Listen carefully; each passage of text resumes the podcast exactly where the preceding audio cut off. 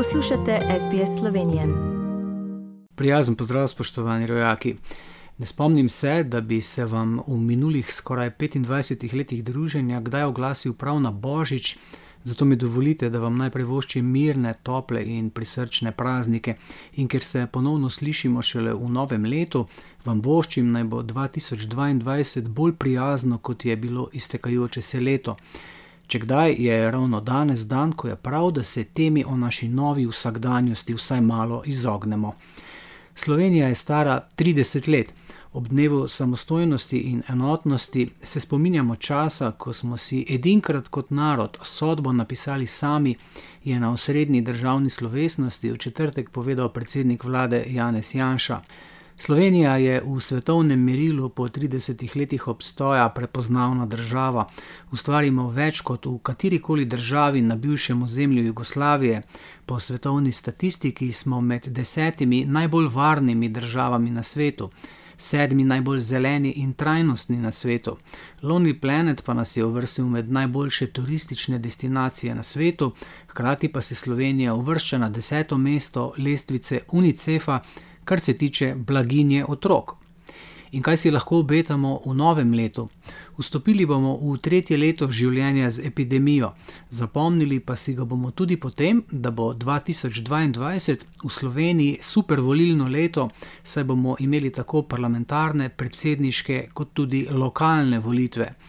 Večina političnih analitikov se strinja, da ne bodo odločilni novi igravci na političnem parketu, pač pa bo to volilna udeležba, vsaj ko gre za parlamentarne in predsedniške volitve. Volilna udeležba namreč v slovenski politični ureditvi vselej močno vpliva na končni rezultat volitev, zato bosta na izid aprilskih parlamentarnih volitev denimo močno vplivala še dva dejavnika: nastajanje novih političnih strank in posledično drobljenje političnega prostora. Ob tem pa bo na koncu odločila udeležba. Nižja kot bo, večjo težo bodo imeli glasovi posameznim etabliranim strankam zvestih voljivk in voljivcev, in obratno, višja kot bo udeležba, več glasov bodo voljivci namenili novim političnim akterjem. Slovenci smo na piedestal političnih odrešiteljev v preteklosti postavili denimo Zorana Jankoviča, Gregorja Viranta, Mira Cerarja in Marjana Šarca. Tokrat pa naj, to, naj bi to vlogo podelili še Robertu Golobu.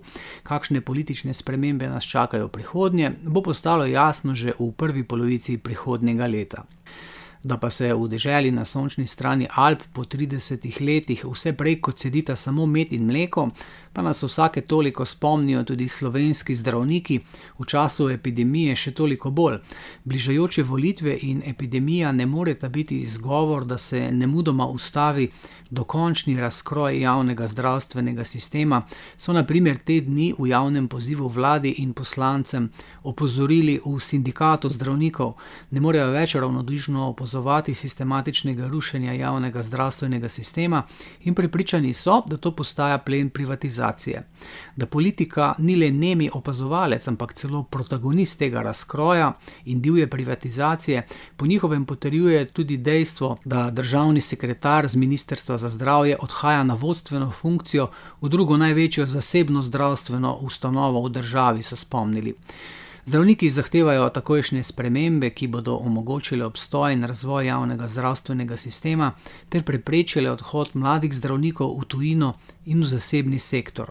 Menijo, da je povečanje plač zdravnikom edina možnost za nastalo situacijo.